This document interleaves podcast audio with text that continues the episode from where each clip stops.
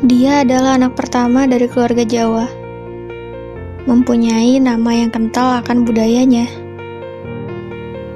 Arti dari namanya adalah kesatria yang berwibawa. Tepatnya Agustus tahun 1996. Usianya 45 saat itu.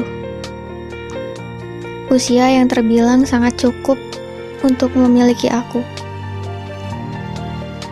Aku pun merasa lebih dari cukup untuk memilikinya. Dia bisa mengajarkanku jadi pintar, meski latar belakang pendidikannya tidak mumpuni.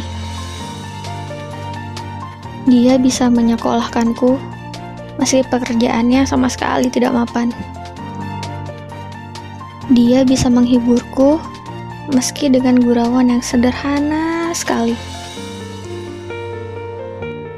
Dia bisa membuatku kuat, meski dengan pertikaian yang dia tunjukkan langsung di depan mataku. Dia bisa membentukku bersikap mandiri, meski dengan cara meninggalkan. Dia memang hadir sebagai sosok yang tidak sempurna. Namun, aku lahir bukan untuk menuntut akan hal itu.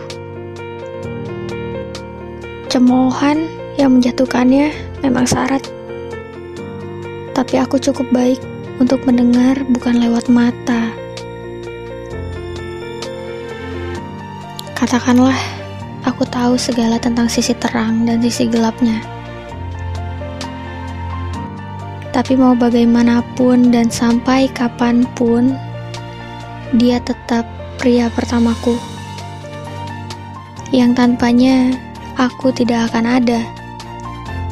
Dan tentunya takkan bisa menjadi aku yang berani bertahan dengan segala keputusan dan prinsip sekuat baja hingga saat ini.